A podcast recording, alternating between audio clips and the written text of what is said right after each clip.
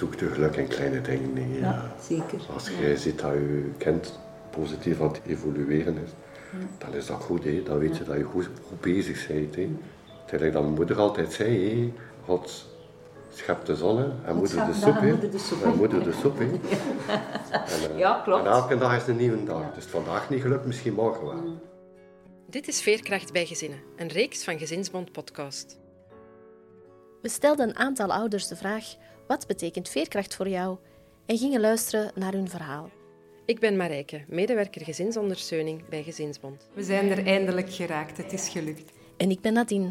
We zien wel hoe het loopt. Vandaag zijn we te gast bij Inge en Bart in het Valkennest. Binnen in de gezellige leefruimte bij de haard drinken we koffie en luisteren we naar hun verhaal. ik wil ook wel een koffietje. Een koffietje? Voilà. Wil je melk of suiker? Melk. In deze reeks belichten we een aantal bouwstenen van veerkracht. Met Inge en Bart hebben we het over de steun van anderen en hoe je daardoor sterker wordt. We hebben het over de balans tussen zelfzorg en zorgen voor. Ik ben Inge de Ketelaar. Ik ben gehuwd met Bart, Bart Vertriest. Wij zijn al eh, sinds september 30 jaar gehuwd. hè, Ja. Wij hebben twee zonen. Eh, een zoon van 28, die al het huis is uitgevlogen. En een jongere zoon van 25, die eigenlijk ook het huis is uitgevlogen. Maar die dat toch een beetje op een speciale manier gedaan heeft eigenlijk. Iemand dat is eh, een jonge man met een ernstige mentale beperking en autisme. En ik ben de papa van die twee kinderen. Schatten van kinderen. Elk met hun eigen kwaliteiten en beperkingen. Wij zitten in eh Villa het Valkenest. Dat is eigenlijk een villa die geregen is in eh, het gemeentelijk park van Oostkamp de Valka. Eigenlijk is deze villa eigendom van de gemeente. Maar wij hebben eigenlijk, hoe lang is dat geleden? Een vijf, zes jaar? 2016 Ja, in zijn 2016. de eerste gesprekken begonnen. En in januari, februari 2017 hebben we dat in erfpacht gekregen. Om een volledige renovatie te doen voor eh, huisvesting voor mensen met beperking. En zo is eigenlijk alles eh, de bal aan het rollen gegaan. Hè.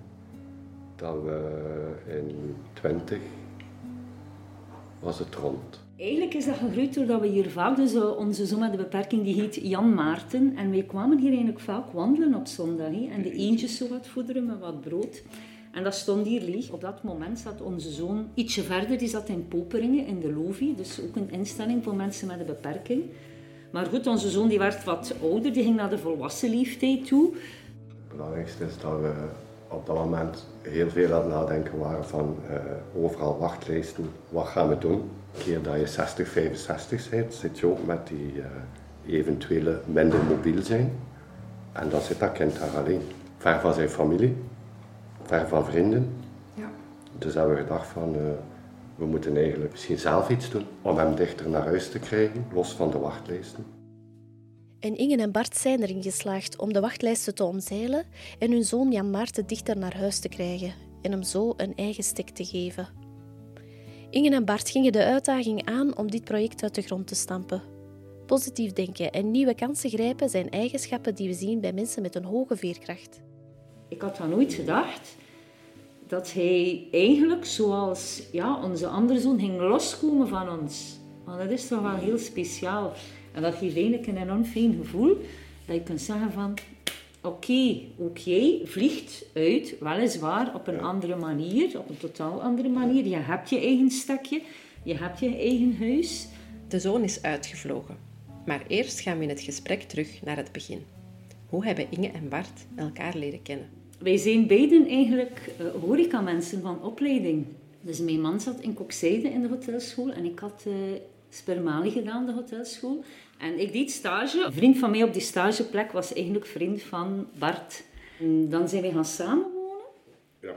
Hier in Oostkamp. En dan dachten we, ja, wat willen we nu? Hoe gaan we nu verder? Ja, uh, ja een huis kopen, dat is toch wel belangrijk, dat je een eigen stekje hebt.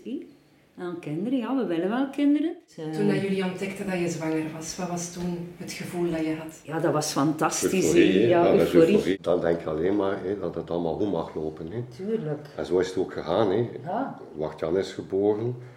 En vrij snel nadien opnieuw zwanger. Ja, En dan is Jan Maarten geboren. ja. Hij is veel ziek geweest. Hè? ja heel Hij is erg. heel veel ziek geweest aan zijn longetjes. Kliniek in, kliniek uit. Ons eerste grote kerstcadeau dat we hadden, dat was dat Jan Maarten naar huis mocht komen. En hij Ja. woog toen En hij ja, 4 kilo 95. Ik, dat staat gegrift. Ik zie dat nog. De, die digitale cijfers. Hij was toen 9 maanden. ja. Dus wat een heel, heel laag gewicht is. Op een gegeven ogenblik, Jan Maarten had de neiging om altijd naar het avondlicht te kijken. Staren. Te staren eigenlijk. Dat fascineerde hem altijd. Ik zei dat ook tegen hem. Ik zei, wat ik nu zie, is het beeld dat ik ooit gezien heb in de film, Birdie genaamd, over een Vietnam-veteraan die psychisch ook verward was. En die zat op de kant van zijn bed, gelijk een vogel, te kijken naar het avondlicht door het raam. En Jan Maarten zat juist op dezelfde manier te kijken. En dan kwam het besef van, hier klopt iets niet. Ook omdat er eigenlijk eh, ja, een serieuze achterstand was in ontwikkeling. Ja. Maar artsen dachten, ja, en wij uiteindelijk ook aanvankelijk van, doordat hij zoveel ziek was geweest, ja, heeft hij gewoon een achterstand, punt. Nu, hij praatte niet, hij stapte niet. Hij, hij- ja, het was eigenlijk heel, heel zwak, bijna niet heel qua ontwikkeling. Toen sprak men al van wachttijden, want ze zeiden, kijk mevrouw, eh, wij willen jullie zeker helpen, maar wij hebben een wachtlijst van negen maanden. Dus op dat moment staat het water al aan je lippen. Je weet niet meer waarin waaruit met dat kind van wat is er hier aan de hand. En dan word je opnieuw op de proef gesteld van moet je wachten. In de crèche zeiden ze van ja kijk, is hier een onhoudbare situatie. En dan opnieuw ervaar je eh, van die strop rond je keel van wat moeten wij hier doen, wat kunnen wij hier doen. En wij zijn enorm veel en nog ja, continu in communicatie met elkaar. Iets avonds in het klein keukentje, weet je nog? hè? Dat wij daar zaten toen dan de kinderen in bed zaten van ja, wat gaan we nu doen? Wat is nu de oplossing?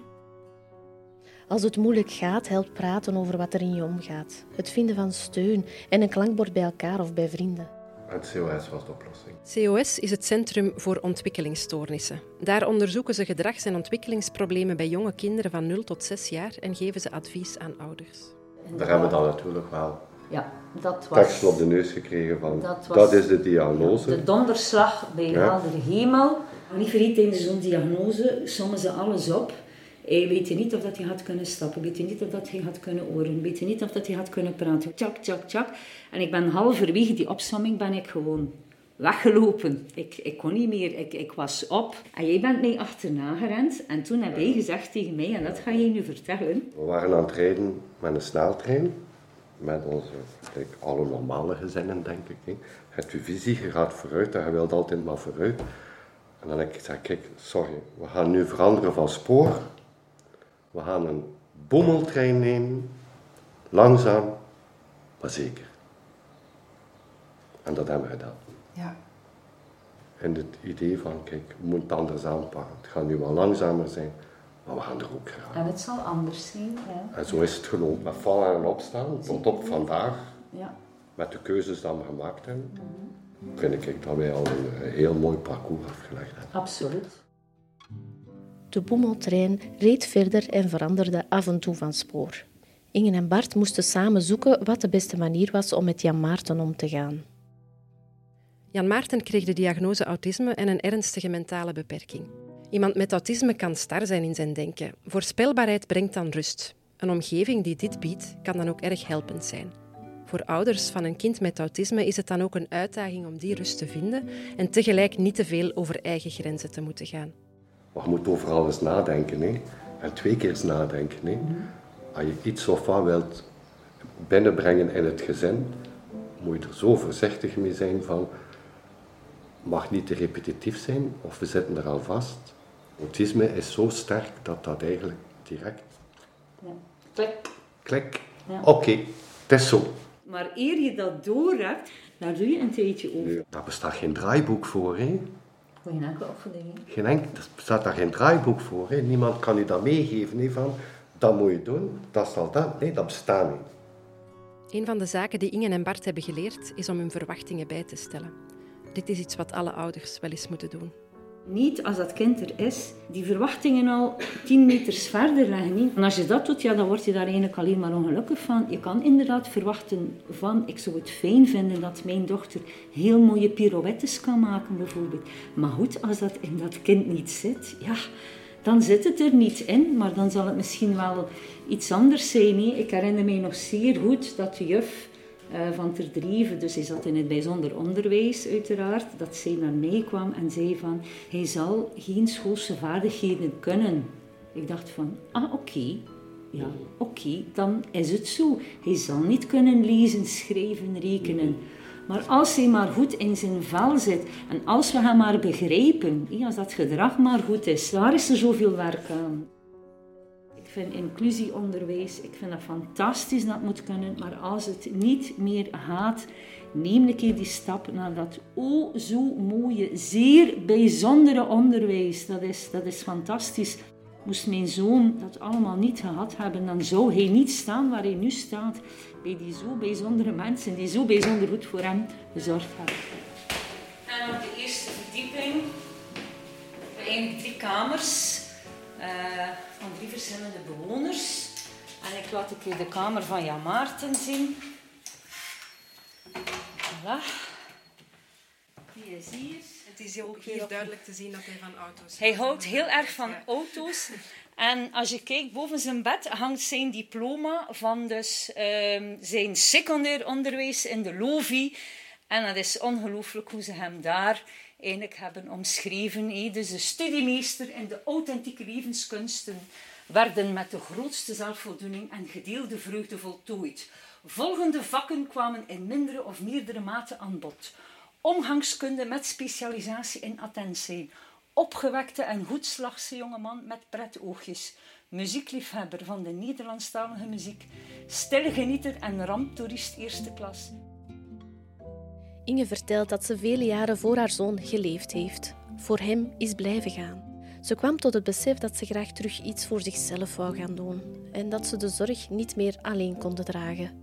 Ehm, hij zat eigenlijk al dus sinds een twee jaar en een half in Viru op, uh, op internaat.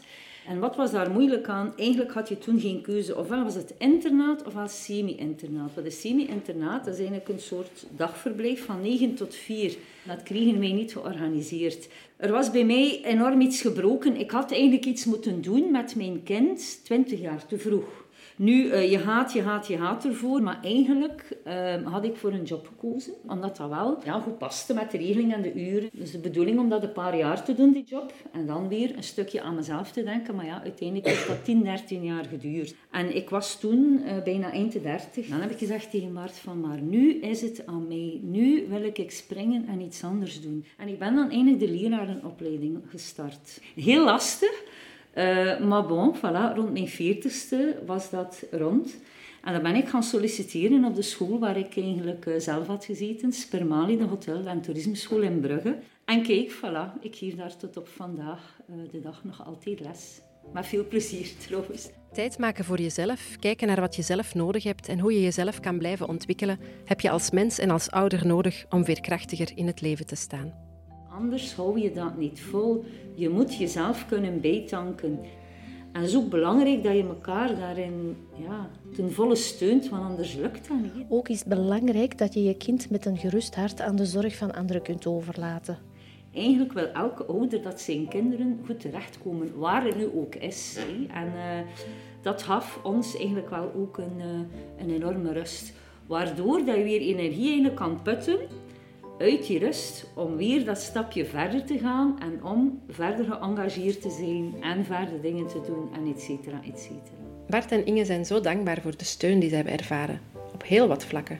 Wat ook wel belangrijk is, heel dat traject, en dat is... Uh, dat komt uit de grond van mijn echte nu, hetgeen dat ik zeg. Van. In België kan alles.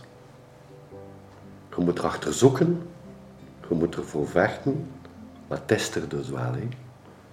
In zo'n situatie ervaar je eigenlijk hoe dat ons systeem werkt en hoe goed dat werkt. We zijn met ons gat in de boter gevallen in België op dat vlak. Echt waar, hè? Je moet er veel voor doen, maar het is er dus wel. Hè? En dat moet beschermd worden. Mhm. Echt waar. Het enigste dat we misschien als opmerking kunnen meegeven is het feit van het zou misschien beter en nog meer kunnen gecommuniceerd worden. Dat het voor iedereen meer toegankelijk is. Maar het is er dus wel. Wat zijn zo nog zaken waarvan dat je zegt, op, die, die momenten dat je het echt moeilijk had, eh, bijvoorbeeld, ik heb u daar straks horen vertellen, toen we de diagnose kregen en heel die uitleg, eh, heb je heel veel steun bij, bij Bart eh, mogen eh, voelen. Wat zijn er zo nog zaken waarvan dat je zegt, dat heeft mij echt wel gesteund? Uren aan de telefoon met mijn zus. Veel wenen. Ongelooflijk. Maar dat doet u, die. Eh, een keer roepen. Een keer tieren. Ehm, wat, geeft er dan ook kracht en energie? Mensen die gewoon out of the blue bellen van kijk, eh, breng dat maar een keer voor een uur. Of de buurman die zei van kijk, ik ga naar het containerpark, kom, ga maar even mee.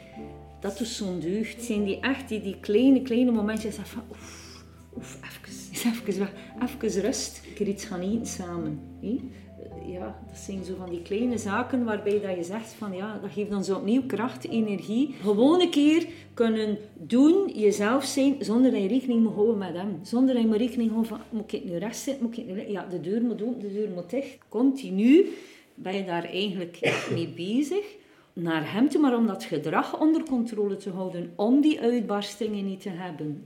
Ook starten met de psychiater, met de kinderpsychiater, starten met medicatie, zijn allemaal zaken die altijd een stukje weer ademruimte hebben gegeven. Ja, om ons dan een stukje ook terug op sporen, op rails te krijgen. En dan met die beslissingen van eh, gedeelde zorg te nemen. Zeker weten, ja. ja. Heb je de kans gekregen als koppel in de week om energie op te doen?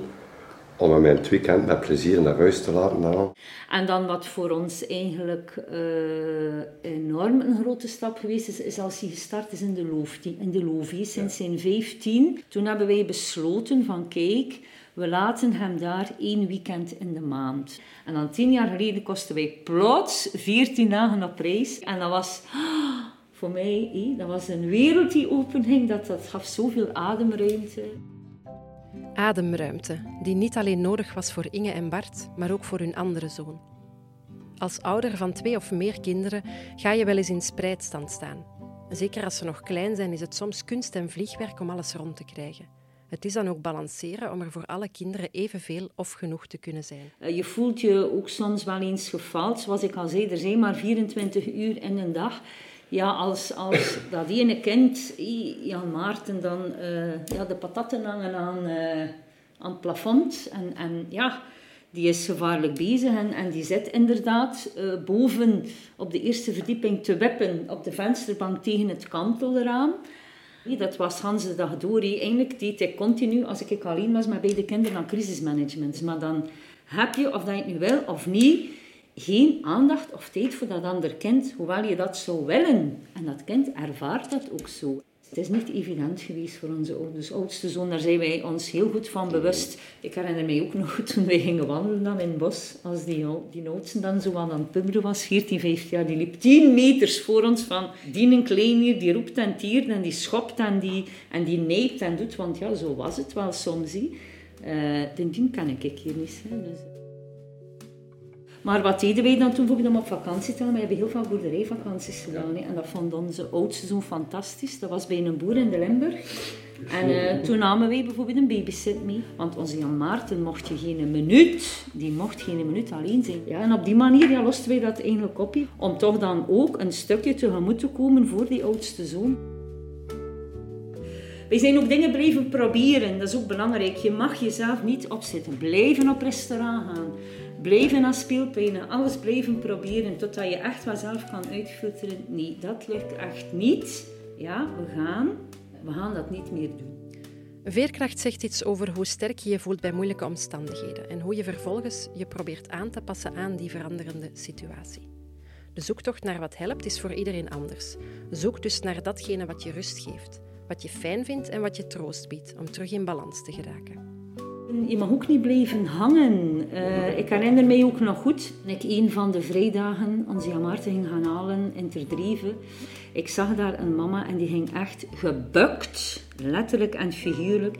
Die ging gebukt ja, onder de zorgen. Ik dacht bij mezelf, nee, nee, dat gaat niet met mij gebeuren. Dat wil ik niet. Ik wil het anders. Ik, ik wil vooruit. Ook door zo'n zaken krijg je dan terug opnieuw, opnieuw die kracht. En je neemt daar automatisch je kinderen in mee. Door het een stukje voor te leven, Ja, bedoel je dan? absoluut. Ja. is het leven niet altijd eerlijk en is het leven soms hard? Maar het heeft ook heel veel mooie momenten uiteraard. hè. Ja. Muziek speelt voor Inge en Bart een belangrijke rol in die mooie momenten. Zo dansen ze samen in de keuken op Franse chansons. Inge ontspant met muziek in de auto. Muziek is voor mij een heel belangrijke rode draad. Dus ik heb acht jaar aan een stuk op en neer gereden in de vrijdagmiddag Poperingen. En dan muziek, ja, vol een bak. Eh, ook Daan lust ik wel eens. Eh, Housewife bijvoorbeeld. Ik heb nu zo'n beeld in mijn hoofd dat Inge zo in een auto zit, hè, op de autostrade, en zo luid meezingt met, met Daan of met, eh, met andere nummertjes. Zeker niet. Maar wel de snelheid onder controle. Voilà. Ik heb niet gezegd dat knallen was, Nee, nee, nee, zeker niet. Zeker. Bart heeft nog een afspraak voor het werk en neemt afscheid van ons. En de, de juiste mensen bij elkaar, een vrij goed netwerk, dat is ook niet belangrijk. Dat we altijd een goed netwerk rondom ons gehad hebben, die ons eh, gesteund hebben. Je moet daar heel dankbaar voor zijn. Dat is waar. Je moet daar echt heel dankbaar voor zijn. Wat ons al de hele tijd opvalt, valt ook nu weer op. De warmte en liefde tussen Inge en Bart. En hoe sterk dit koppel samen is. Allee, Vanavond. dus weer. Ja. Succes. Ja. Bedankt. Tot ziens. Misschien dat we toch nog even op dat netwerk kunnen doorgaan. Ja. Hè. Eh, eh, eh, Bart zei net van, hè, dat jullie daar wel heel veel steun van Mhm. verschillende mensen eh, ervaren hebben. Je hebt daar net al gezegd, hè, de buurman, uw zus. Ja. Kan je zo nog even daarop Ehm, verder? ah ja, ook, ook vrienden niet. Ehm, vrienden die het begrijpen als ze binnenkomen, dat die onmiddellijk in de broekzak zit, want die is zot op autosleutels. Ja, die dat inderdaad van een schone auto, die dat vertrouwen van, we geven dat hier af en we vertrouwen dat, hij daar een hele dag mee rondloopt. Dus dat is echt eerst te komen, ja, eerst een toerke met een auto. Ah, we gaan dat eerst. Kom, ja maar, we gaan eerst toerke doen met een auto. Ook al zijn die mensen, ja, komen die van hen, zijn die ook moe van hun werk? Nee, we gaan dat eerst doen, maar we weten dan dat dat voor hem maar rust brengt. En uiteindelijk bij Inge en Bart ook. Maar dan moet je natuurlijk wel doorgaan, je moet dat snappen. Dus ja, bepaalde mensen van de familie doen dat, vrienden doen dat, maar je hebt ook mensen die dat totaal, ja, die dat totaal niet snappen, die dan eigenlijk ja, een stukje een andere weg kiezen en die, die je niet meer contacteren. Maar je doet wel met die kleine groep verder en dat is wel fijn om te, om te ondervinden eigenlijk. Je verbonden voelen met anderen versterkt onze veerkracht. Steun krijgen van mensen rondom is zo belangrijk. Inge vertelt heel mooi hoe je met kleine zaken zoveel kunt betekenen voor een gezin of ouder die het moeilijk heeft. Geef een losweg voorbeeld. Er zijn kinderen met autisme die bijvoorbeeld niet tegen kunnen dat je dat toekomt met een rode trui. Wat doet dan een blauwe trui aan? Niet? Allee, ja, bedoel, pas je daar een stukje aan aan, aan die situatie. Anticipeer daarop. En doe dat niet altijd uit het vooroordeel van... eh, dat is een kind waar dat ze geen weg mee kunnen. Dat is een stouterik. Nee, nee. Het is gewoon dat brein die zo werkt, punt. Ga daar naartoe met een open mind. Ik heb heel vaak in situaties gestaan met Jamaren dat hij zo blokkeerde te midden van de weg en op de grond smeet en schoppen en slaan en aan mijn haar trekken. En, en... Maar ik heb misschien één of twee keer iemand gehad die mij kwam helpen. Elke mama, daar ben ik van overtuigd, elke mama probeert goed te doen voor haar kind en probeert het op een goede manier. En zoals Bart daar net zei, er bestaat geen draaiboek voor een opvoeding, voor geen enkele opvoeding. Dus, dus help elkaar. Wat is voor u als persoon, wat is daar de belangrijkste ja, les, zou ik het misschien niet moeten noemen, maar hè, het belangrijkste geweest dat je Ik er... was een, eh, een ongelooflijk, ehm, en ben dan nog een stukje niet impulsief, iemand van, we gaan dat hier een keer aanpakken, en we gaan hier vooruit. En al die die niet mee kunnen, en ze moet maar achterblijven. En dat is voor mij een hele goede oefening geweest, eigenlijk van, wow, zit ik hier een beetje zet wat stapjes achteruit, laat dat een keer wat bezinken. Eigenlijk heeft dat mij persoonlijk meer gevormd tot, tot mens dat ik nu ben. En ik denk dat dat, dat, dat wel een, een beter en, en, een, en een mooier mens is dan toen dat ik 20, 21 was van tjak, bam, boem. En uh, ik heb daarin heel veel steun aan mijn partner, die soms nog een keer aan die rekker moet trekken bij mij van Ola, zoals in het West-Vlaams zeggen, van keer een keer weer.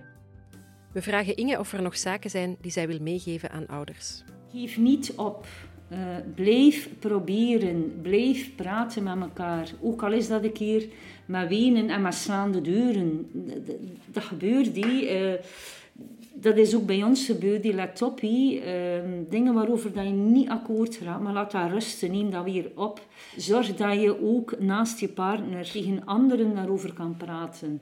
En leer ook dat kind, hoe moeilijk dat dat ook is, leer dat ook een stukje loslaten. Want, want dat kind heeft dat ook nodig, die jongen heeft dat ook nodig. Je mag die niet verstikken.